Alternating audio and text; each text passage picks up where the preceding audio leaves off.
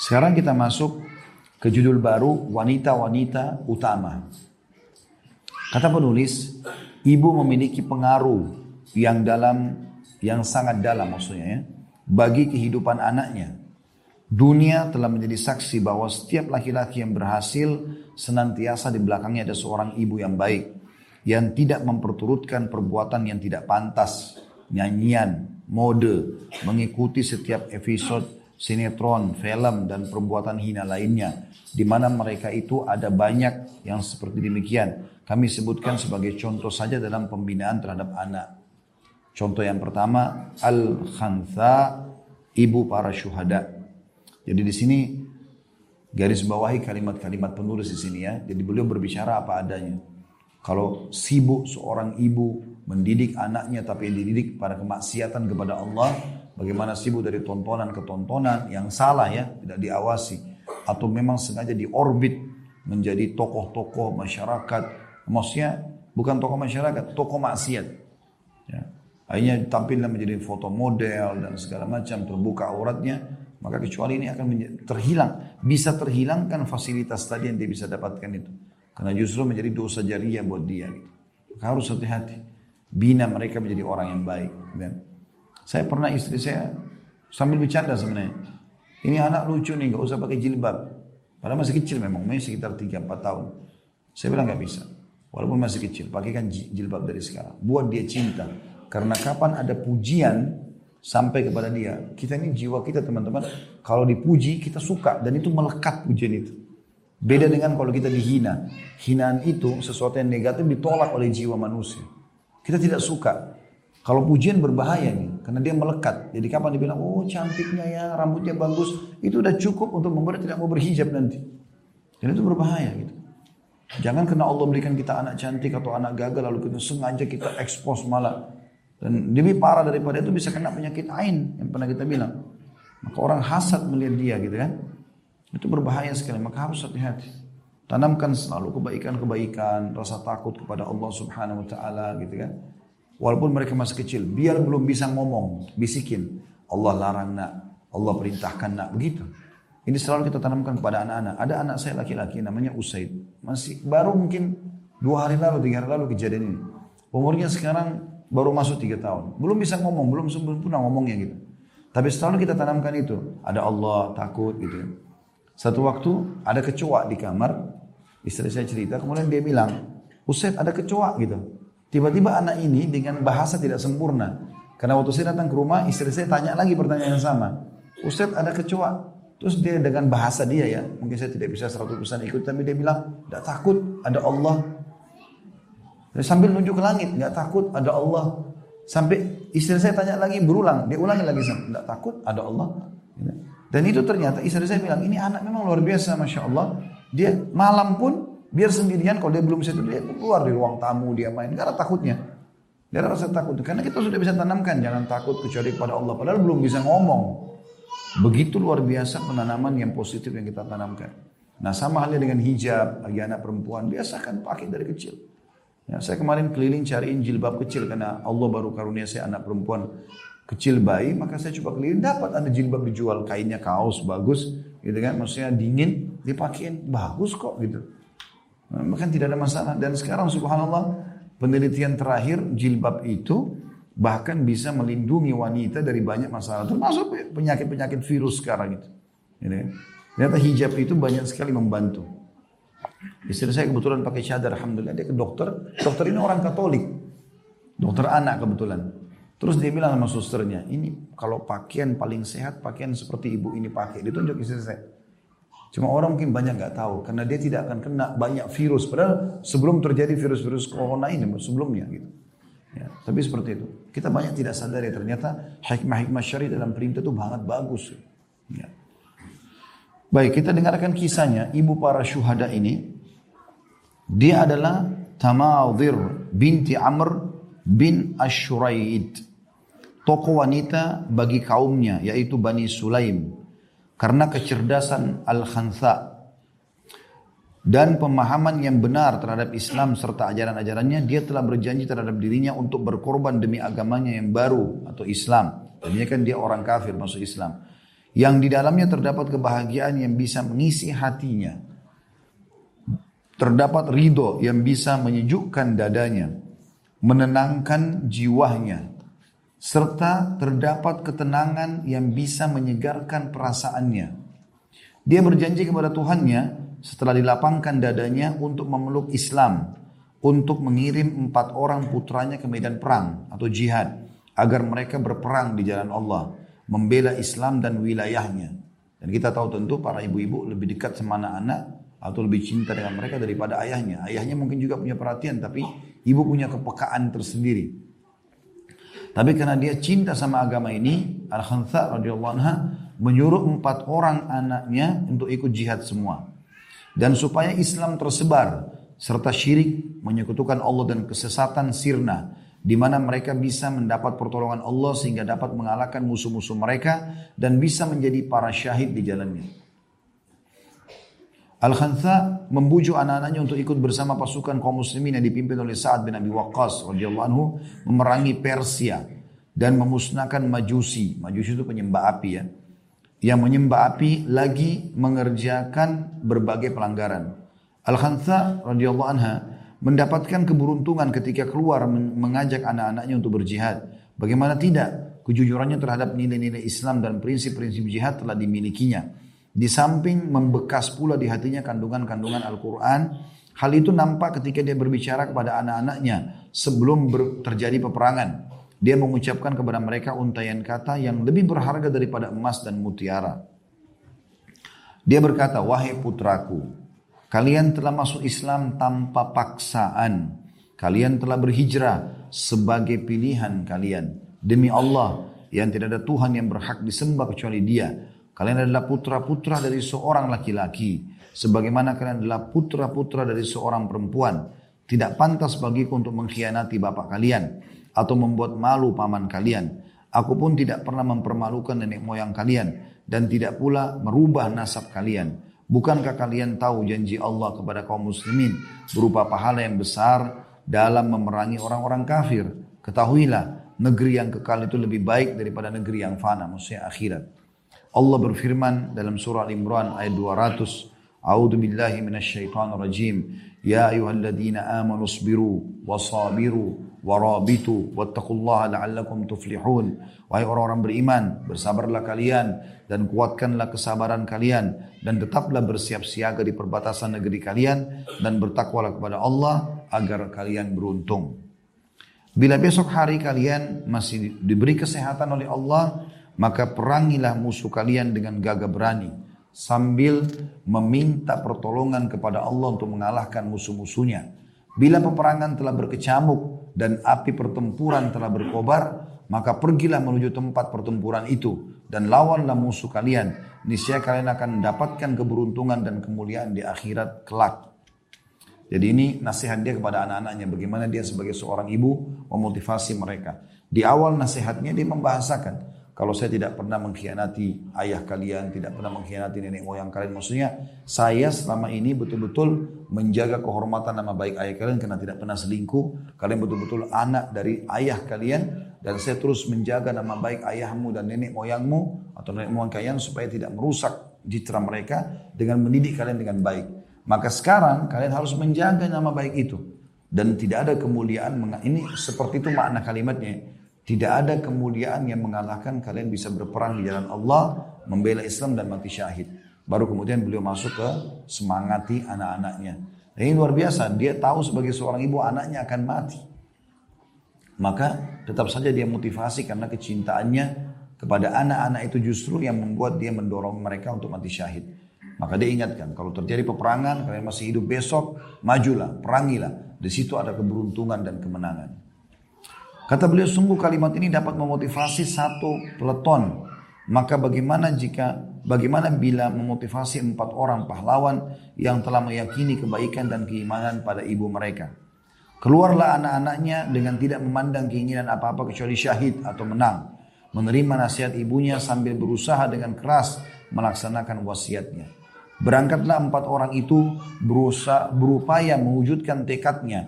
Seruan ibunya mengelilingi mereka dari setiap tempat yang tinggi maupun rendah. Maksudnya setiap kali mereka naik ke atas bukit atau turun di sebuah lembah, nasihat ibunya selalu terngiang-ngiang di telinga mereka. Keempat adik kakak ini. Nasihatnya mengandung keteguhan membuat mereka bersungguh-sungguh. Al-Khantha radhiyallahu anha bersama mereka menemani mereka walaupun dia sedang ada di kotanya tidak ikut perang. Mendorong mereka tetap bersabar dalam berjihad, tetap maju dan tidak melarikan diri serta mengingatkan mereka tentang pahala orang-orang yang bersabar di sisi Allah. Mengingatkan mereka juga dengan pahala para syuhada di akhirat serta pahala yang mulia yang disediakan Allah untuk mereka.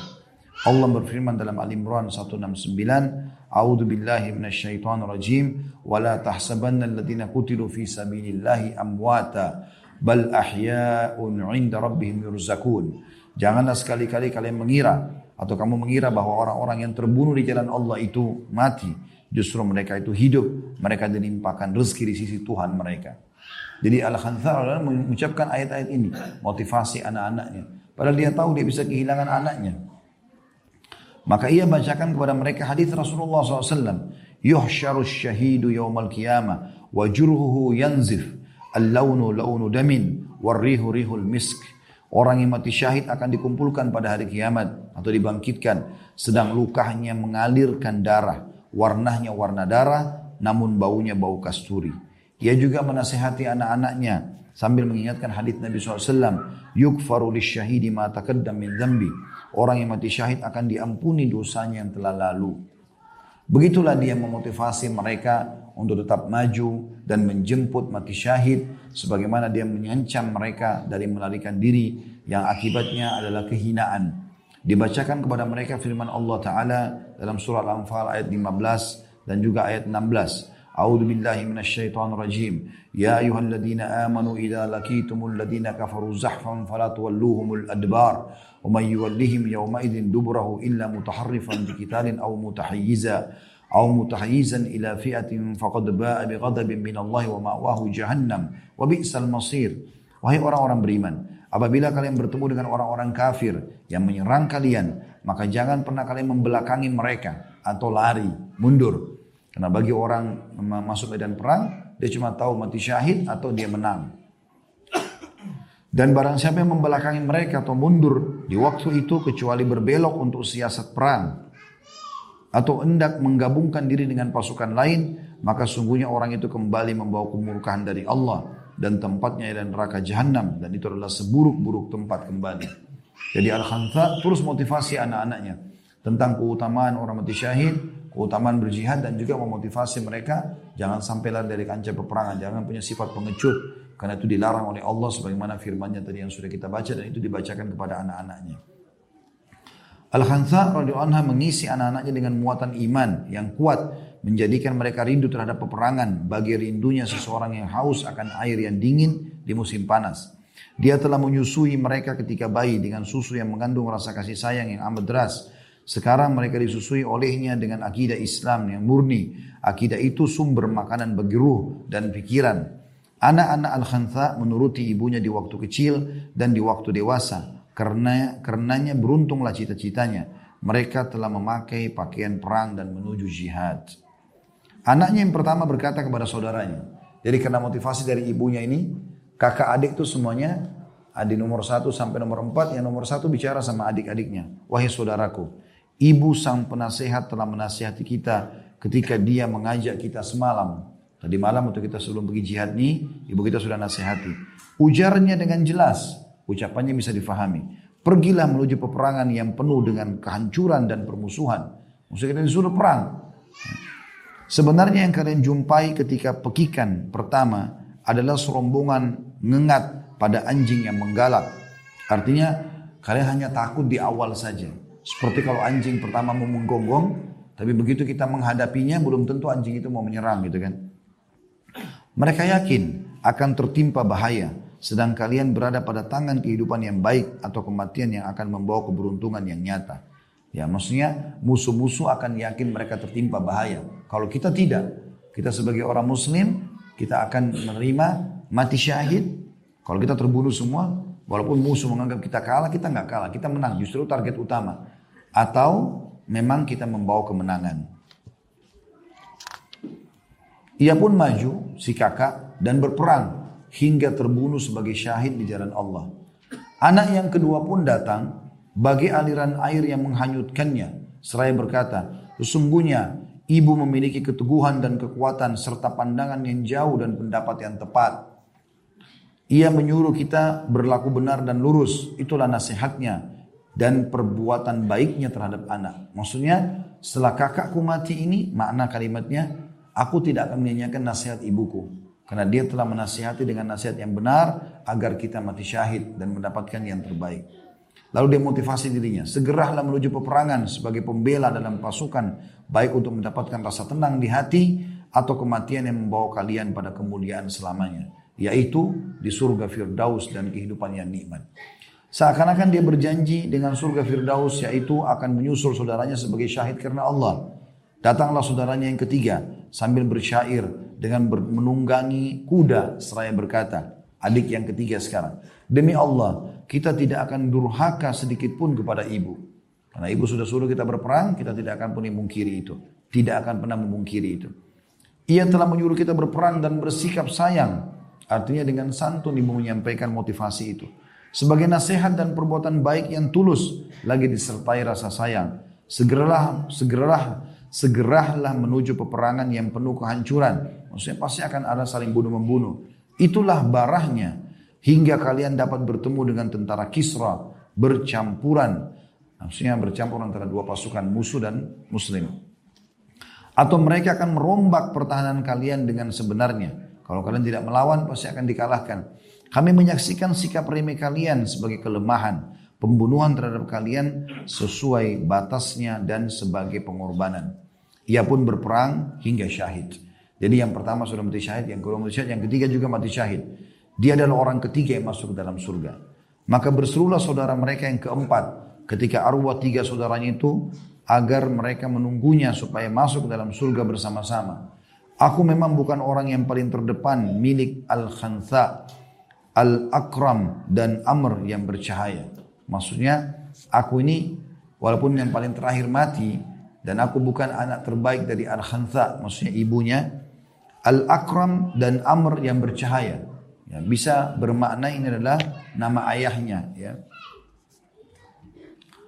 Bila ku tidak ingin dalam pasukan sebagai tentara, tetaplah pedang yang banyak akan melintasi semua arah.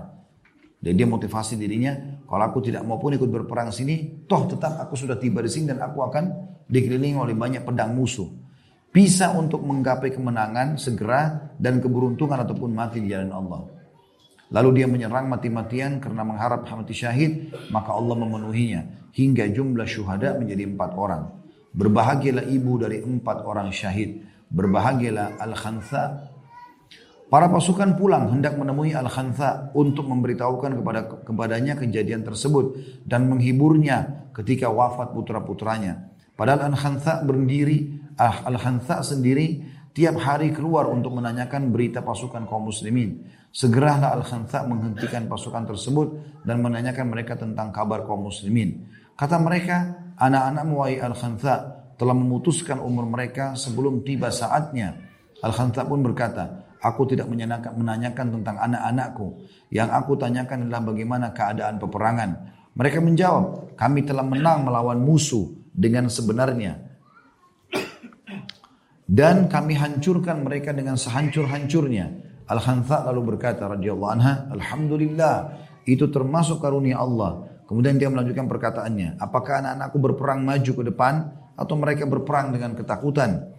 Maka mereka menjawab, tidak wahai Khantha. Sesungguhnya anak-anakmu termasuk orang-orang yang terbaik dalam berperang. Mereka maju ke depan melawan kekuatan musuh. Mereka pekikan suara takbir dan tahlil serta memotivasi pasukan untuk tetap maju dan tidak lari. Kami sangat bangga sekali dengan mereka dan ibunya lah yang telah menjadikan mereka orang-orang utama mendidik mereka untuk cinta kepada Allah dan berkorban di jalannya. Sungguh mereka telah dapatkan kemuliaan mati syahid di jalan Allah. Karena itulah Al-Khantha mengucapkan kata-kata yang masyhur, Alhamdulillah alladhi syarafani bikatlihim wa arju min rabbi an yajma'ani bihim fi mustaqarrir rahmah. Jadi setelah tahu anaknya mati, Al-Khantha ucapkan kalimat ini yang sering diulang-ulang oleh para ulama. Menunjukkan bagaimana kekuatan iman seorang ibu yang luar biasa ini. Dia mengatakan segala puji bagi Allah yang memuliakanku. Dengan apa? Dengan gugurnya mereka dalam jihad. Justru dia anggap itu adalah sebuah prestasi yang terbaik dan tertinggi. Dan aku berharap kepada Robku agar mengumpulkanku dengan mereka di tempat menetapnya rahmat Allah atau di surga.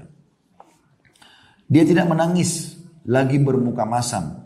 Rambut pun tidak ditarik dan muka pun tidak dicakar. Kan biasanya orang kalau sedih tarik-tarik rambutnya, cakar wajahnya, mungkin karena perempuan terbawa perasaan. Dia ucapkan kata-kata ini dengan keadaan ridho terhadap kawa Allah dan bangga terhadap perjuangan anak-anaknya di jalan Allah. Al-Khansa inilah contoh yang nyata bagi setiap ibu yang muslimah. Dia adalah panutan yang baik bagi wanita-wanita kita. Dia didik anaknya dengan pendidikan islami yang benar. Lalu dia sumbangkan untuk umat Islam agar mereka berperang dan membela Islam. Allah memilih mereka ke dalam orang-orang yang didekatkan kepadanya, yaitu para syuhada. Mereka diberi nikmat berupa rahmat dan keridoannya, serta merasa bebas pergi sesuka mereka di dalam surganya. Sesungguhnya janji Allah kepada para mujahid yang berjihad di jalannya adalah benar dan seandainya tidak ada pembelaan dari para syuhada terhadap kaum muslimin dan agama mereka, niscaya mereka tidak akan memiliki kemuliaan dan ketinggian serta negeri mereka akan dikuasai oleh musuh-musuh mereka. Inilah ibu panutan dan contoh agung dalam pembinaan Islam ya, pembinaan Islam yang benar. Jadi ini kisah tentang Al-Khantha radhiyallahu anha bagaimana keimanan tertanam dalam hatinya dan bagaimana dia menanamkan keimanan itu pada anak-anaknya. Jadi tentu beda sekali dengan ibu yang sibuk menyuruh anaknya nonton ini, nonton itu, kursus ini, kursus itu, tapi semuanya kemaksiatan dan jauh dari Allah Subhanahu Wa Taala. Kalau masa lalu ibu ada begitu, itu masa lalu. Misal ibu Allah karena empat orang anak, anak pertama, anak kedua sudah terlanjur, dulu belum paham, sekarang ikut pengajiannya. Sekarang jangan kehilangan dua anak yang tersisa. Binalah mereka menjadi seorang hafid Quran. Tanamkan target utamanya hafal Quran. Target utamanya menjadi ulama. Target utamanya masuk surga. Begitu. Jadi jangan yang lain. Ya, urusan dunia itu akan ikut. Kata para ulama dalam pepatah-pepatah disebutkan, siapa yang kejar akhirat dunianya akan ikut. Siapa yang kejar dunia akhiratnya akan luput. Ya, jadi kalau kita tanamkan masalah akhirat, maka akan aman. Ibu juga akan tenang, bapak juga akan tenang. Anak-anak sudah menjadi sumber amal jariah buat kita. Karena mereka sudah sholat, mereka tutup aurat, mereka hafal Quran. Ingat saya pernah bahasakan, jangan pernah wariskan keburukan kepada anak-anak. Kalau ibu dan bapak baru kenal baca Quran, di umur 30 tahun, 35 tahun, anak-anak harus hafal Quran di umur 6 tahun. Balas itu ya. Jadi istilahnya bayar kekurangan kita dulu kepada anak-anak ini. Tidak boleh kita wariskan lagi keburukan. Toh ibu juga dulu umur 30 tahun tidak baru pakai jilbab. Sekarang nggak apa-apa nggak usah pakai jilbab dulu. Dia wariskan keburukan. Keliru. Tidak boleh. Justru kita merasa berdosa kenapa dulu kita telat. Sekarang untuk anak-anak kita berikan yang terbaik. Selalu begitu. Jadikan mereka sebagai lembaran-lembaran amal soleh kita. Ini al-khantha luar biasa. Bukan hanya suruh anaknya sholat di masjid. Bukan hanya sekedar suruh anaknya puasa Senin Kamis. Bukan hanya sekedar suruh anaknya belajar di pesantren. Ya. Tapi dia suruh pergi berjihad dan mati syahid. Sekarang banyak ibu-ibu baru anaknya mau masuk pesantren saya sudah menangis merasa jauh, susah, kesian, nanti makan apa di sana. Padahal demi kebaikannya. Mereka menangis sekarang, tapi mereka akan membahagiakan ibu nanti. Mereka sekarang menangis sedih karena jauh dari ibu dan bapak, tapi nanti bapak ibu akan menangis ya karena gembira melihat bagaimana mereka sudah bertakwa kepada Allah Subhanahu wa taala. Saya sering bahasakan itu kepada keluarga. Anak-anak kalau ke pesantren itu cuma sebentar. Mereka akan kembali ke kita, tapi mereka digodok, dibina di sana untuk menjadi seorang muslim yang baik. Saya pernah di pesantren dan saya tahu itu. Azan kita disuruh ke masjid. Kita cuci baju sendiri. Kita urus diri sendiri. Berbaur sama orang-orang gitu kan. Ada suka dukanya. Kita jadi belajar. Punya pengalaman hidup. Ya, maka itu sebuah hal yang sangat baik. Pendidikan yang sangat baik. Kalaupun tidak misalnya, maka jangan pernah luputkan pendidikan agama di rumah. Panggilan kursus-kursus gitu kan. Dan ingat, potensi anak-anak itu besar sekali. Beda dengan kita orang dewasa. Kita ini sudah bergelut dengan sifat malas, bergelut dengan sifat lalai. Anak-anak itu selalu mau tahu karena mereka belum tahu. Jadi mereka selalu gitu. Makanya kalau naik sepeda jatuh, dia berdiri lagi. Dia mau padahal sakit. Mungkin kita orang dewasa kalau naik motor tabrakan sudah trauma. Mungkin tidak mau naik motor lagi bisa. Anak-anak tidak seperti itu. Maka harus kita sebagai orang tua padatkan itu. Anak-anak saya dari kecil saya sudah padatin, pokoknya padat, nggak peduli, gitu kan. Bukan tidak kesian sama mereka, tapi padatkan. Karena memang mereka sedikit sedikit lalai. Misalnya kita cuma fokus kepada jadwal sekolahnya saja misalnya. Dari jam setengah delapan pagi misalnya sampai tuhur, setengah satu misalnya. Pulang ke rumah sudah kesian anak saya sudah sekolah, biarin aja dia main. Bukan tidak boleh main. Permasalahannya, waktu bermain yang ibu kasih dari duhur dan bapak kasih itu sampai malam itu lebih baik daripada waktu dia belajar. Ini kalau lebih banyak porsinya akan mengalahkan porsi yang pertama dia belajar. Tidak padatkan. Padatkan. Saya coba praktek ke anak saya. Alhamdulillah saya temukan bisa hafal Quran 30 juz. Kasusnya sebenarnya bukan kita bukan ngejar. Saya sama istri saya bilang ini anak bukan kita kejar harus hafal satu, satu tahun Al-Quran misalnya. Enggak. Buat saja jadwal sederhana. Dia setiap pulang sekolah dan itu kita mulai dari SMP malah, bukan SD. Kalau yang sekarang yang kecil-kecil saya coba dari kecil, dari dari TK SD saya coba praktikin. Tapi yang ini enggak, dari SMP kita mulai. Begitu masuk SMA sudah hafal 30 juz. Ternyata cuma lakukan apa? Setiap orang sekolah, saya minta istri saya antar. Ada satu orang ustazah, hafidah Quran, Masya Allah, jazakallah khair. Kita ke rumahnya kita bayar. Sampai jam 5 sore pulang ke rumah. Begitu tiap hari. Sabtu Ahad dia store hafalan. Jadi kita buat dia cinta dengan hafalan. Anak itu sekarang duduk, kata istri saya. Kadang-kadang kalau duduk saya dekatin, dia lagi diam. Saya dekatin, dia lagi ulangin surah ini, surah itu. Lagi di mobil, duduk diam, lagi tidak diajak ngomong, dia ulangin hafalannya. Kan bahagia. Sampai saya sesuatu yang dikirim nih, lihat nih. Alhamdulillah anak ini begitu. Dan dengan motivasi itu ternyata Al-Quran sudah berbekas dalam diri. Tidak pernah tinggalin sholat malam. Dia selalu kalau malam bangun, istri bilang sudah sholat malam anaknya. Rasulullah dari kecil sudah begitu. Ini masih belum belum kita bicara dia dewasa, dia interaksi sama masyarakat belum sudah terbiasa dengan itu. Maka kita harus bisa menutupi kekurangan kita itu. Walaupun kita tidak hafal Quran, kita harus anak kita hafal Quran, kita tutupi kesalahan kita dengan itu. Ingat teman-teman sekalian, anak bisa menjadi amal jariah atau bisa menjadi dosa jariah. Harus hati-hati. Apa yang kita tanamkan itulah yang akan berbekas. Jangan pernah berpikir teman-teman apa yang kita ucapkan itu tidak berbekas sama mereka. Berbekas itu. Berbekas. Sikap apa pun dia anggap kita ini orang tuanya sebagai tokoh, sebagai contoh. Seperti itu. Anak-anak itu saya di rumah sampai besar sekali pengaruhnya.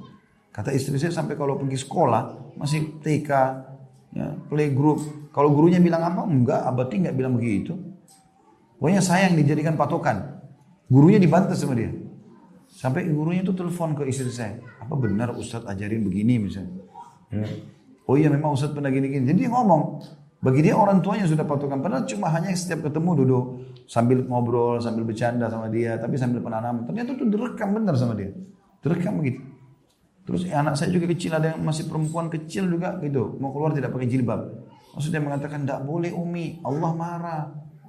Pada umur masih 4 tahun, 5 tahun gitu. Nah, Alhamdulillah berdekatan-dekatan umur mereka. Karena dia nggak mau. Dan ini satu hal yang menggembirakan. Kalau bagi saya sih, saya anggap itu sudah prestasi yang sangat bagus gitu kan. Daripada anak-anak kita malah lari dari agama, tidak mau sholat, tidak mau tutup aurat dan seterusnya. Kalau kita sudah mulai dengan hal-hal yang kecil, maka otomatis hal yang besar akan terbiasa nanti. Tidak akan pernah teman-teman bersedekah 100 ribu kalau nggak pernah mulai dengan 10 ribu. Nggak akan pernah kita mulai 10 ribu kalau tidak mulai dengan 1000 misalnya. Nggak akan pernah 1000 kalau tidak mulai sama sekali dengan kecil. Jadi bagaimana kita motivasi diri kita untuk terus naikkan atau tingkatkan kualitas kita. Kisah yang lain adalah Asma binti Abi Bakar As-Siddiq radhiyallahu anhuma. Saudarinya Aisyah radhiyallahu anhu ajma'in.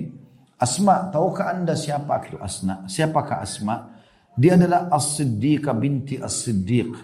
Siddiqah maksudnya orang yang jujur. Anaknya As-Siddiq, laki-laki yang jujur. Karena Abu Bakar julukannya ayahnya Siddiq radhiyallahu anhu penyimpan rahasia berita hijrah Nabi Shallallahu Alaihi Wasallam yang memiliki dua ikat pinggang. Tahukah anda siapa dia? Kami akan sebutkan kepada anda satu sikap dari kisah-kisah kepahlawanannya sebagai teladan dalam membina takala bersama putranya Ash-Syahid Abdullah bin Zubair pada hari dia terbunuh. Jadi saya ceritakan dulu di sini. Disebutkan di sini dia memiliki dua ikat pinggang. Tahu nggak kisahnya itu? Jadi waktu Nabi SAW mau hijrah ke Madinah, malam beliau hijrah, beliau keluar sama Abu Bakar. Jadi kalau misalnya buku ini kita anggap jazirah Arab, Madinah itu ada lebih ke kat utara, lebih ke atas, lebih ke negeri Syam, ke Turki ke sana. Mekah ke arah selatan. Jadi kalau orang mau hijrah, mau jalan dari Mekah ke Madinah, itu ke arah utara berarti. Utara Jazirah Arab. Nah Nabi SAW waktu itu karena tahu orang Quraisy mengiklankan siapa yang mendapatkan Muhammad hidup atau mati dikasih 100 ekor unta oleh Abu Sufyan dan teman-teman diiklankan pada saat itu. Tentu waktu itu Abu Sufyan belum masuk Islam radhiyallahu anhu. Maka Nabi SAW mengubah jalur. Tadinya ke utara, sekarang turun ke selatan. Dari Jabal Thur, ya, yang mungkin kalau di Mekah Bapak Ibu lewatin, itu ada di selatan, lebih dekat ke negeri Yaman. Kita Indonesia ini di selatannya Jazirah Arab, di bawah gitu. Nah kenapa Nabi SAW ke sini supaya orang Quraisy terkelabui dan beliau sempat tinggal tiga hari di gua, ya, di Jabal Thur itu atau di Gunung Thur. Dan teman-teman sekalian, di sini Nabi SAW waktu tinggal di sana butuh makanan, butuh makanan dan butuh juga orang-orang yang bisa mengelabui orang Quraisy supaya tidak tahu di mana mereka atau beliau sembunyi. Maka beliau menggunakan tiga jasa. Jasa yang pertama, jasanya Ibnu Fuhaira. Ini adalah pengembala dombanya Abu Bakar. Jadi waktu Nabi SAW jalan bersama Abu Bakar menuju ke Jabal Sur itu, maka supaya jejak kaki untanya hilang, dilewatin sama domba-dombanya Ibnu Fuhaira ini. Diinjak-injak, jadi hilang jejaknya gitu. Kemudian yang kedua, Abdurrahman ibn Abi Bakar. Ini tugasnya dia karena dia masih kecil, dia selalu kumpul di dekat Mekah, di dekat Ka'bah dengar orang-orang Quraisy cerita apa. Nanti dia menjelang sore atau malam dia datang ke gua ini sampaikan. Tadi ada mereka bicara ini, mereka bicara itu. Jadi supaya tahu informasi. Yang ketiga Asma ini yang sedang kita bahas. Tugasnya dia menyiapkan makanan buat Nabi. Nah zaman dulu perempuan itu sering kali membuat ikatan di pinggulnya. Jadi kayak semacam kain, selain tutup badan dan kepalanya bajunya juga ada yang diikat seperti sabuk tapi dari kain. Ya. Tujuannya untuk taruh makanan. Ke mana-mana mereka taruh makanan gitu kan. Jadi kayak zaman sekarang mungkin kalau kita di mobil bawa box-box makanan, tepak-tepak gitu-gitu. Nah ini mereka itu tidak ada zaman dulu. Jadi taruh di kain, dilihat lalu diikat di pinggang gitu kan. Nah untuk dia makan, tapi karena dia membawakan makanan Nabi, maka dia tambah lagi satu ikatan lain. Isinya makanan buat Nabi. Itu di sini kenapa sebabnya dikatakan julukannya penyimpan rahasia hijrah Nabi SAW yang memiliki dua ikat pinggang. Itu maksudnya ya. Lalu dikatakan Asma binti Abi Bakar radhiyallahu anhuma berkata kepada anaknya ketika anaknya datang mengucapkan salam kepadanya saat sebelum maut menjemput anaknya. Jadi Abdullah bin Zubair anaknya beliau. Ya. Abdullah bin Zubair ini radhiyallahu anhu pada saat Ali bin Abi Thalib terbunuh, ya. Kemudian Ternobatkanlah Hasan di Madinah sebagai khalifah. Di negeri Syam Muawiyah bin Abi Sufyan. Dua-duanya sahabat ini. Yang akhirnya Hasan ringkas cerita radhiyallahu anhu cucu Nabi SAW mengalah. Menyerahkan kerajaan kepada Muawiyah supaya satu pemimpin saja. Setelah itu berjalanlah kurang lebih 20 tahun masa kekhalifahan Muawiyah. Setelah meninggal, rupanya Muawiyah lalu tulis wasiat untuk anaknya yang bernama Yazid supaya jadi khalifah. Nah di sini ada beberapa orang sahabat nolak itu. Kenapa Yazid? Yazid ini bukan sahabat. Sahabat masih banyak hidup. Kenapa harus dia? Maka ada beberapa sahabat yang tidak setuju dengan itu. Di antaranya Abdullah bin Zubair. Dia keluar, dia tidak mau, lalu dia menentukan dirinya sebagai khalifah di Mekah. Sempat menjadi khalifah, gitu kan? Entah kalau nggak salah dua tahunan atau berapa gitu jadi khalifah. Tapi setelah itu, ya uh, diutuslah oleh Khalifah Umawi yang di negeri Syam itu diutuslah uh, apa namanya seseorang panglima perang namanya Hajjaj yang menyerang Mekah akhirnya membunuh Abdullah bin Zubair radhiyallahu anhu ajma'in. Yang jelas Asma di dalam kisah yang dikatakan radhiyallahu anha sebagai ibu berkata kepada anaknya ketika anaknya datang mengucapkan salam kepadanya saat sebelum maut menjemput anaknya. Jadi lagi diserang Mekah besar-besaran dan kemungkinan besar besok ini anaknya bisa terbunuh, Mekah bisa ditaklukkan. Dan memang betul itu terjadi. Mati akhirnya Abdullah bin Zubair. Dia mengatakan, wahai putraku, kau adalah dirimu. Kamu adalah dirimu. Bila kamu yakin bahwa kamu berada di atas kebenaran dan mengajak kepada kebenaran, maka bersabarlah melakukannya. Karena kawan-kawanmu telah terbunuh di atasnya. Jangan kau berikan kepadamu untuk dimainkan oleh anak-anak Bani Umayyah Bila yang kamu inginkan adalah dunia, maka kamu adalah seburuk-buruk hamba dan kamu membinasakan dirimu dan orang-orang yang bersamamu. Namun bila kamu berada di atas kebenaran, maka maka agama tidak akan lemah. Berapa lama kau akan berada di dunia, maka terbunuh itu lebih baik. Dia pun mendekat kepada ibunya lalu diciumlah kepadanya atau kepalanya diciumlah kepala ibunya si Abdullah bin Zubair cium ayah kepala ibunya. Tentu Asma ini juga istrinya Zubair ya, Zubair bin Awam. Ini salah satu dari 10 sahabat yang jamin masuk surga. Jadi Asma ini ya anaknya Abu Bakar. Jadi yang kita bicara Abdullah bin Zubair yang terbunuh tokoh kita ini adalah cucunya Abu Bakar gitu. Dia pun mendekat kepada ibunya lalu diciumlah kepalanya dan berkata, "Demi Allah, inilah pendapatku. Demi Allah aku tidak condong kepada dunia. Aku tidak suka hidup di situ. Tidak ada yang membuatku keluar kecuali karena kemurkaan Allah, yaitu dilanggarnya larangannya. Namun aku ingin mengetahui pendapatmu ibu sehingga aku bisa memperkuat hujah di atas hujahku. Lihatlah wahai ibu, sesungguhnya aku akan dibunuh di hariku ini karena itu janganlah bersedih hati. Serahkanlah urusan itu kepada Allah. Karena sungguhnya anakmu ini tidak berbuat kemungkaran. Bahkan tidak mengerjakan perbuatan keji. Dan tidak pula menentang hukum Allah. Tidak merusak keamanan. Tidak mendalimi seorang muslim dan mu'ahad. Arti mu'ahad adalah orang yang terikat perjanjian dengan perintah Islam. Tidak ada kezaliman pun yang sampai ke telingaku kecuali aku mengingkarinya. Tidak ada yang aku ingatkan kecuali ridho Tuhanku Allah subhanahu wa ta'ala atau Allah azza wa jal. Ya Allah, sesungguhnya aku tidak ucapkan hal ini kecuali atau karena hendak menganggap suci diriku. Ya Allah, engkau lebih mengetahui tentang diriku dibandingkan aku dan yang lainnya. Namun aku katakan demikian adalah untuk menghibur ibuku. Jadi maksudnya di sini bagaimana Abdullah bin Zubair radhiyallahu anhu terbentuk menjadi ini Abdullah bin Zubair ini salah satu dari empat sahabat yang dikenal dengan empat abadilah, empat Abdullah yang merupakan ulama sahabat. Ada Abdullah bin Abbas, Abdullah bin Umar, Abdullah bin Mas'ud, Abdullah bin Zubair. Ada juga yang masukkan yang kelima Abdullah bin Amr bin As. Tapi beliau termasuk dianggap ulamanya sahabat. Waktu itu beliau jadi khalifah, kemudian diserang oleh khalifah yang lain, ya, dan sampai akhirnya terbunuh. Tapi kita lihat bagaimana pribadinya beliau diingatkan oleh ibunya. Bagaimana seorang ibu yang mukminah dan bagaimana seorang anak yang mukmin. Ibunya mengatakan, kalau kau benar, sekarang kau yakin kau bela agama Allah, tetaplah kau dalam prinsipmu. Kalau mereka nyerang, kau melawan. Tapi kalau kau salah, kau seburuk-buruk hamba. Kalau kau hanya sekedar mau kejar jabatan, mau tetap bertahan jadi khalifah, supaya kau kaya, dikenal sebagai raja, maka percuma. Serahkan saja dia, tidak perlu melawan. Tapi kalau kau urusanmu adalah karena Allah, kau ini tahu kebenaran, maka pertahankan. Maka Abdullah bin Zubair pun sebagai anak mengatakan, wahai ibu, tidak ada maksud lain kecuali tadi. Dia sumpah atas sama Allah, aku betul-betul hanya karena Allah saja. Dan Allah menjadi saksi terhadap hal tersebut. Dan dia mengatakan, ya Allah, sungguhnya engkau tahu, aku tidak perlu mengucapkan ini. Karena engkau mengetahui niatku. Abdullah bin Zubair berkata itu. Jadi walaupun aku tidak ucapin, engkau tahu ya Allah. Kalau sebenarnya tujuanku adalah engkau.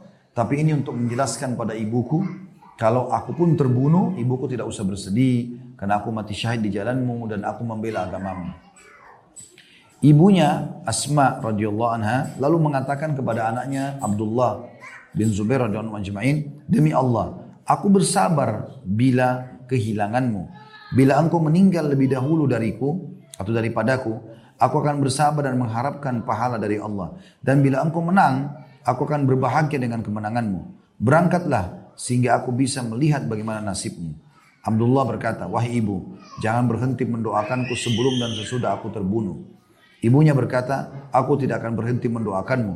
Karena siapa yang terbunuh di atas kebatilan, maka sungguh kamu terbunuh di atas kebenaran. Kemudian katakan, kemudian katanya, ya Allah, rahmatilah dia. Karena dia seorang, karena dia sering sholat malam dengan lama sambil menangis sering berpuasa yang membuatnya merasa haus ketika panas terik di Madinah dan Mekah. Berbakti kepada bapaknya dan juga kepadaku. Ya Allah, aku telah menerima perintahmu. Aku ridho terhadap takdirmu. Beritakanlah kepadaku pahala orang-orang yang bersabar dan bersyukur atas syahidnya Abdullah bin Zubair. Ibunya kemudian mendekapnya dan memeluknya untuk berpisah dengannya. Asma pada waktu itu di akhir umurnya telah buta Lalu dia dapati Abdullah bin Zubair dalam keadaan memakai baju besi. Dia pun mengatakan, wahai anakku, pakaian ini bukanlah pakaian orang yang hendak menggapai mati syahid sepertimu.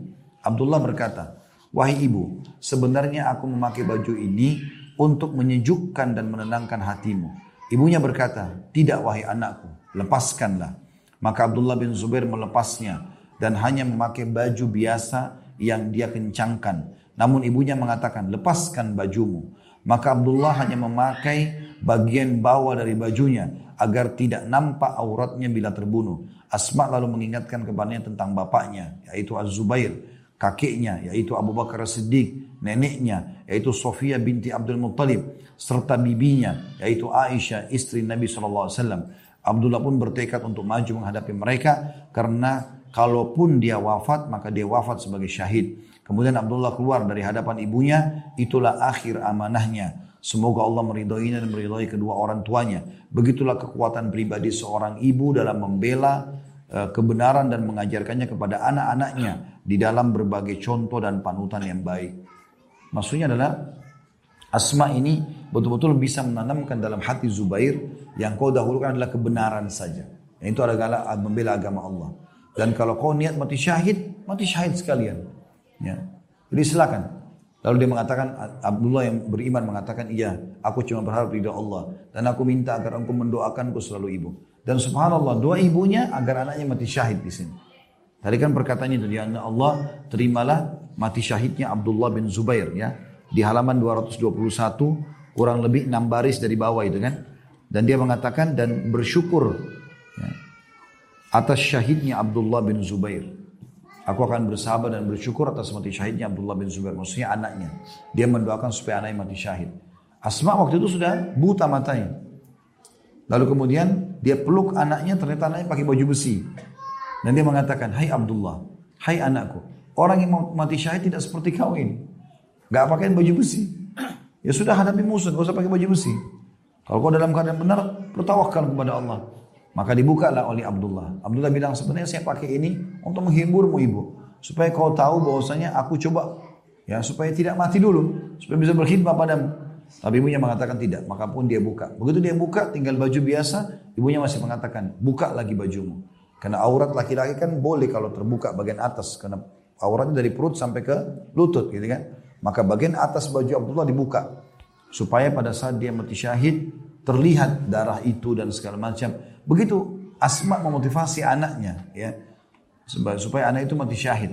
Kemudian dia mengingatkan tentang di sini dikatakan dia mengingatkan tentang bapaknya Az-Zubair bagaimana perjuangannya. Memang ini Zubair bin Awam terkenal sekali dengan keberaniannya ya. Dan itu Abdullah ini jadi pemberani karena didikan ayahnya juga. Kakeknya Abu Bakar Siddiq. Kalau mereka itu adalah orang-orang saleh semuanya. Neneknya Sofia binti Abdul Muttalib. Sofia ini tantenya Nabi. Abdul Muttalib kan kakek Nabi. Sofia ini termasuk yang mendidik Zubair, ayahnya Abdullah, menjadi seorang mujahid yang kuat. Jadi sampai Sofia waktu di Mekah itu ditegur sama orang-orang sukunya. Dia kalau malam sengaja jalan di tempat gelap. Dia bawa Zubair dan dia berhenti di situ untuk melatih keberaniannya. Kalau Zubair nangis, ditinggalkan sama Sofia. Sampai kadang-kadang ditegur. Kata Sofia, saya tidak ingin kecuali supaya dia menjadi seorang yang pemberani. Dan betul, Akhirnya terbentuklah pribadi Zubair menjadi orang yang pemberani. Tidak pernah takut. Bukan kayak ibu-ibu zaman sekarang. Ih kecoa nak takut. Ih ini disuruh takut sama kecoa. Takut sama serangga. Takut sama ini dan itu gitu. Eh nggak boleh kita tanamkan rasa takut kecuali kepada Allah subhanahu wa ta'ala. Itu penting. Maka terbentuklah pribadi Zubair. Zubair bin Awam itu ayahnya Abdullah ini. Itu kalau lagi berhadapan sama musuh. Maka dia ada di depan sekali. Ini pasukan muslim, ini pasukan kafir. Dia di tengah-tengah, bukan di pasukan muslim. Dia tinggal tunggu takbir, dia serang duluan sendirian. Sampai terkenal dia membawa, membawa dua tombak kuning. Jadi tombak dielus sama dia dengan apa? Kalau zaman kita mungkin cat ya. Entah bagaimana diwarnain kuning sama dia. Ditaruh bersilang di pundaknya. Itu dikenal sekali. Sampai musuh-musuh kalau bilang, apakah ada Zubair di antara mereka? Ya, yang menggunakan dua tombak kuning, kalau ada mereka lari. Takut sama Zubair. Karena dia sendiri. Dia masuk lawan musuh sampai ke belakang pasukan, terus dia kembali lagi. Terbunuh terbunuh. Kalau enggak dia dia berarti bunuh musuh dan dia bawa, bawa ganima. Kudanya diambil, pedangnya diambil gitu. Dia kembali ke pasukan muslim. Seperti itulah keberaniannya. Itu dibentuk oleh Sofia binti Abdul Muttalib, ibunya. Itu adalah kakeknya Abdullah ini. Gitu ya. Jadi Imam uh, Asma mengingatkan, ini mereka orang mulia semua, ayahmu orang mulia, kak, Zubair ibn Awam dijamin surga, kakekmu Abu Bakar As-Siddiq yang merupakan ayahnya Asma, ya ibunya tadi, itu adalah orang yang saleh. Gitu kan. Kemudian nenekmu Sofia binti Abdul Muttalib ya, juga sama, orang yang saleha, serta bibimu Aisyah, karena Asma ya, saudarinya Aisyah, gitu kan. Maka itu juga adalah istri Nabi SAW. Maka hiduplah di atas ajaran mereka. Selama kau rasa dirimu benar, kau ikuti mereka, maka berjuanglah seperti itu. Dan bagaimana tegarnya seorang ibu yang seperti ini memperjuangkan agar anaknya tetap dalam kebenaran. Yang terakhir, tukang sisir rambut putri Fir'aun. Ini kisah seorang ibu yang sangat luar biasa dalam mendidik keimanan kepada anaknya. Dikatakan ini adalah kisah seorang wanita yang telah mendidik anak-anaknya tentang iman kepada Allah. Jadi tidak takut, tidak bergantung kecuali kepada Allah. Apa saja ibu dan bapak selalu bilang, Allah larang nak. Jangan bilang ibu larang, jangan bilang ayah larang. Allah, biarin dia ada kita, tidak ada kita, dia sudah tahu Tuhannya. Gitu. Tadi itu betul saya sampai terharu lihat anak saya tiga tahun bisa bilang, ya, Ustaz ada kecoa, enggak takut, ada Allah. Tiga tahun saya sampai terharu melihat itu, subhanallah. Dan alhamdulillah Allah kasih, masya Allah seperti itu. Kata beliau, inilah kisah seorang wanita yang telah mendidik anak-anaknya tentang iman kepada Allah. Dia mengajarkan pelajaran amali. Amali itu maksudnya praktek, lapangan. Yang kuat kepada kita dan kepada generasi sesudahnya. Sampai hari bumi, ya, serta segala yang ada di atasnya diwarisi Allah. Maksudnya sampai terjadi kiamat. Ini adalah sosok wanita yang dibakar oleh Fir'aun. Dibakar hidup-hidup oleh Fir'aun ibu ini yang melampaui batas dia. Dibakar pula anak-anaknya dalam sebuah alat yang dinyalakan dan dipanaskan dengan kompor besar. Jadi minyak yang mendidih, ibu ini dilemparin sama anak-anaknya gitu. Maka semerbaklah wanginya di setiap tempat dan wangi jasad para putranya yang ikut terbakar. Hal itu membuat wanita penyisir ini dan anak-anaknya memiliki keharuman yang merebak hingga ke langit Rasulullah SAW pun telah mencium wangi yang harum itu ketika beliau dimi'rajkan ke langit pada malam Isra. Jadi waktu Nabi SAW naik ke langit, diperciumkan oleh Allah bau wangi. Dia sempat tanya, ini wangi apa? Para malaikat bilang ini wanginya tukang sisirnya Fir'aun yang dibunuh bersama dengan anak-anaknya yang dibunuh. Kita dengarkan riwayatnya. Imam Ahmad meriwayatkan dari dalam musnadnya. Dari Abdullah bin Abbas radhiyallahu anhuma dia berkata Rasulullah SAW bersabda ketika tiba malam aku diisrakan waktu naik apa jalan ke Palestina nanti mi'raj ke langit muncul kepadaku wangi yang harum. Aku berkata wahai Jibril harum wangi apa ini? Dia menjawab ini adalah wangi wanita penyisir putri Fir'aun di suatu hari ketika terjatuh sisir dari tangannya Lalu dia berkata dengan nama Allah, Bismillah. Sebenarnya tukang sisir anak Fir'aun ini merahasiakan imannya imannya kepada Musa alaihissalam. Takut Fir'aun bunuh gitu kan. Tapi satu waktu rupanya dia lagi nyisir rambutnya anaknya Fir'aun, jatuh sisirnya. Waktu dia mau ambil kembali dia bilang Bismillah. Kalimat itu saja. Dengan nama Allah. Kemudian putri Fir'aun berkata, nama bapakku? Dia menjawab, tidak. Tuhanku dan Tuhanmu adalah Allah. Jadi dia ajarkan anak Fir'aun. Dia pun berkata, bolehkah aku beritahukan hal ini kepada Fir'aun? Dia menjawab, ya silakan. Padahal Fir'aun itu benci sekali dengan Musa AS gitu kan. Dan dia mengaku Tuhan. Maka putri Fir'aun pun memberitahukan hal tersebut kepada Fir'aun. Maka dipanggillah wanita penyisir itu. Lalu Fir'aun berkata, ini Jibril bercerita kepada Nabi SAW. Jadi kita sedang membaca kisah itu. Lalu Fir'aun berkata, wahai fulana, apakah kamu punya Tuhan selain aku? Dia menjawab, ya Tuhanku dan Tuhanmu adalah Allah. Padahal Fir'aun ini sudah didakwai Nabi Musa dan tidak mau memang mengaku ada Tuhan Allah. Dia sebagai pembantu pada saat itu seorang budak dan dia tidak takut pada Fir'aun. Maka Fir'aun meminta disediakan tembaga yang, di, yang, yang dilelehkan. Uh, Kemudian menyuruh orang untuk melempar wanita itu bersama anak-anaknya ke dalamnya. Wanita itu berkata kepada Fir'aun, sesungguhnya aku punya keinginan. Fir'aun menjawab, apa keinginanmu? Dia menjawab, aku ingin agar engkau menggabungkan tulang-tulangku dengan tulang-tulang anakku dalam satu kain, lalu kamu menguburnya. Fir'aun menjawab, baik permintaanmu kami kabulkan. Maka disuruhlah agar anak-anaknya dilempar ke dalamnya satu persatu sampai berakhir kepada bayinya yang masih disusui.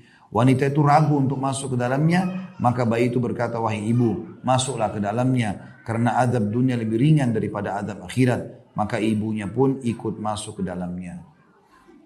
Ibnu Abbas berkata, ada empat orang yang bisa berbicara atau bisa bicara saat masih bayi. Yaitu yang pertama Isa putra Maryam, Nabi Isa alaihissalam. Bayi yang membela Juraij ketika Juraij dituju berzina, dituduh berzina. Sudah tahu kisah itu ya? Juraij dulu itu adalah orang soleh, lalu ibunya panggil dia lagi sholat, tapi dia tidak, dia tidak jawab. Ibunya lalu doakan supaya Juraij sebelum mati, ya dia akan melihat wanita-wanita berzina. Maka ada satu wanita berzina, dua ibunya terkabulkan, doakan buruk akhirnya kan. Akhirnya datang wanita berzina mengatakan kepada Bani Israel waktu itu, saya bisa goda Juraij. Maka mereka bilang, kalau kau bisa goda dia, maka kami akan kasih apa yang kau minta. Masuklah dia ke dalam musollahnya lah. tempat ibadahnya Juraij lalu menawarkan diri untuk berzina, Juraij tolak. Wanita ini terkenal sangat cantik, lihai, segala macam. Tapi Juraij tidak lihat sama sekali. Karena dia takut salah, takut dipermalukan masyarakat, dia keluar dari situ. Kemudian dia berzina sama peng, peng, pengembala kambing, domba, sampai dia hamil. untuk dia hamil dia bilang, ini lihat anaknya Juraij.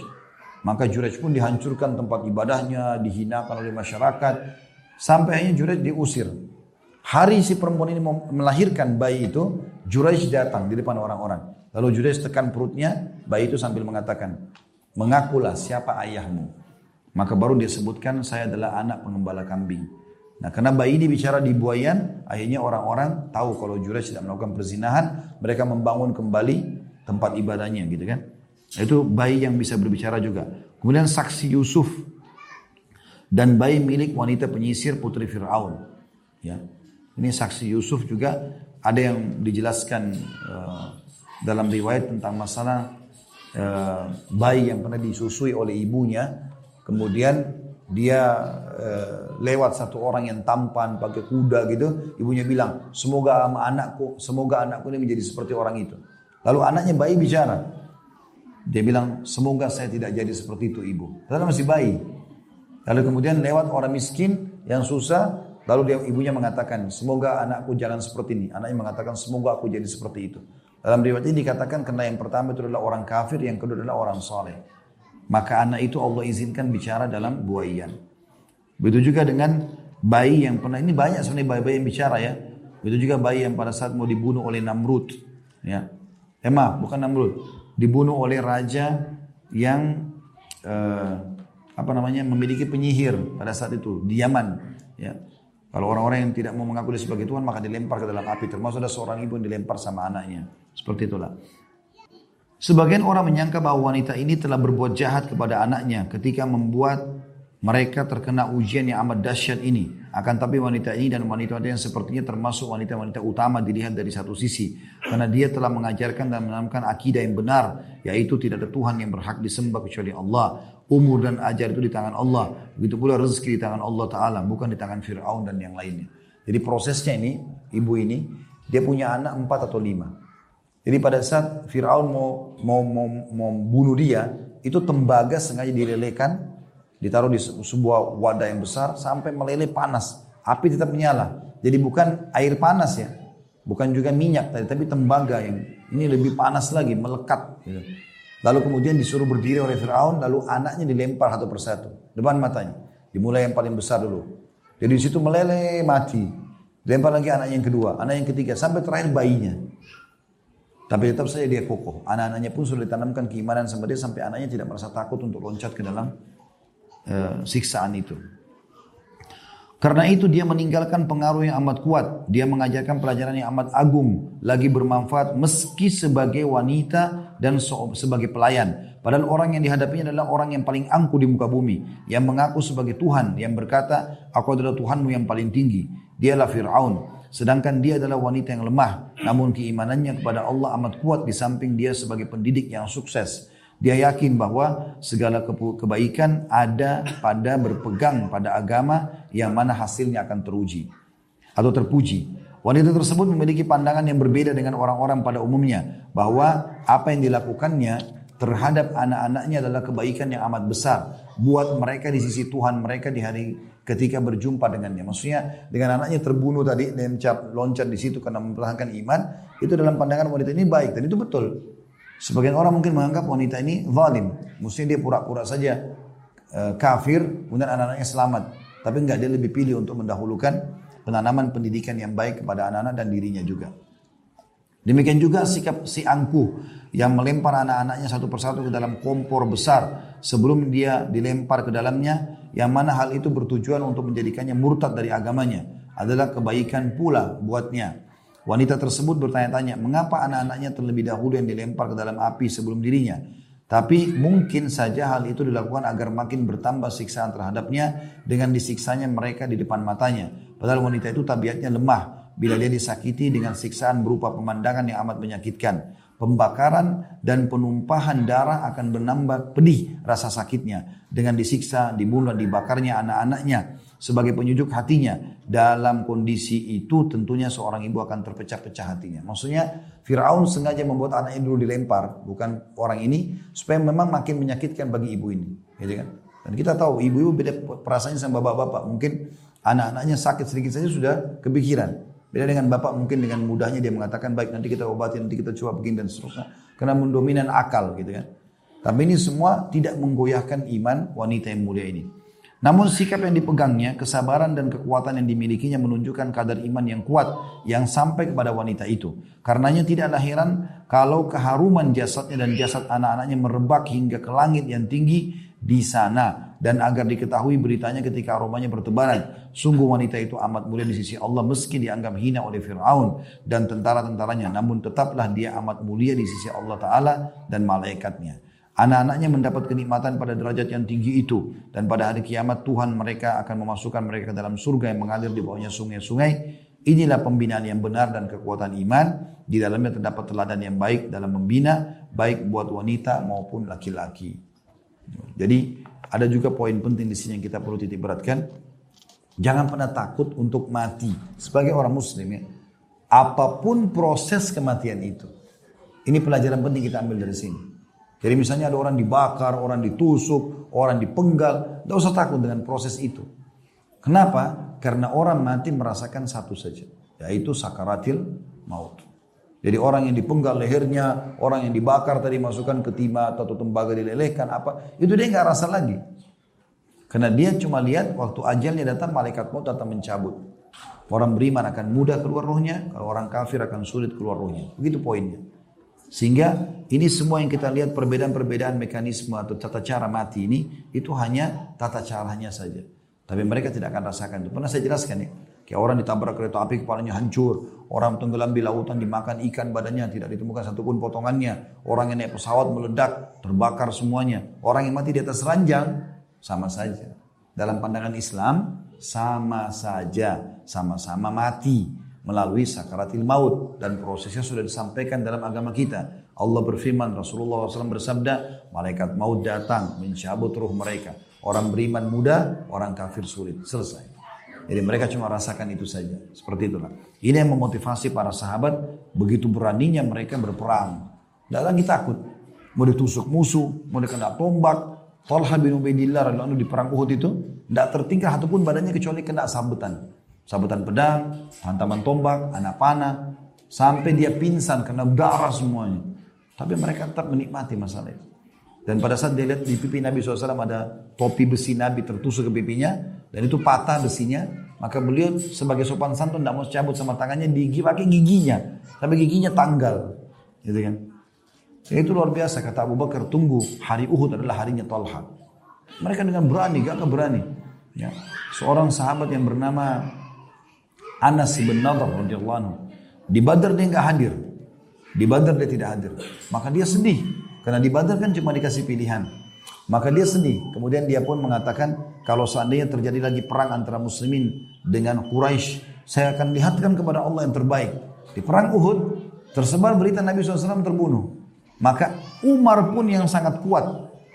Prinsipnya segala macam. Begitu juga dengan Sa'ad bin Mu'ad itu sampai duduk di tanah peperangan taruh pedangnya. Seperti orang yang gimana lagi Nabi sudah mati. Tersebar isu begitu. Anas bin Nadar lewat. Kata Umar bin Khattab begitu dia lewat, kami terbakar lagi motivasi semangatnya. Kenapa? Karena dia terus menuju ke musuh sendirian. Satu mau lawan 2.800 orang. Gitu kan. Berani sendiri. Kata Umar, hai Anas mau ke mana kau? Dia bilang ke Uhud. Saya mencium bau surga. Kata kata Umar, tapi kan Rasulullah sudah mati. Lalu dia mengucapkan kalimat Anas bin Nadar Dia mengatakan Anas ini berkata kepada Umar dan kepada Sa'ad bin Mu'ad. Ketahuilah kalau iman Nabi betul sudah mati, maka berdiri untuk mati bersamanya. Kenapa tinggal? Kata Umar, kami pun semangat kembali lalu kami mengejar. Kata Umar sama Sa'ad, kami berusaha mengejarnya, kami tidak bisa temukan ya Rasulullah. Setelah perang diceritakan begitu. Dan waktu selesai uh, peperangan tidak ditemukan jasadnya. Habis semua, dicincang-cincang oleh musuh. Cuma ada satu jari telunjuknya. Yang kenal itu pun kakaknya atau adiknya perempuan gitu.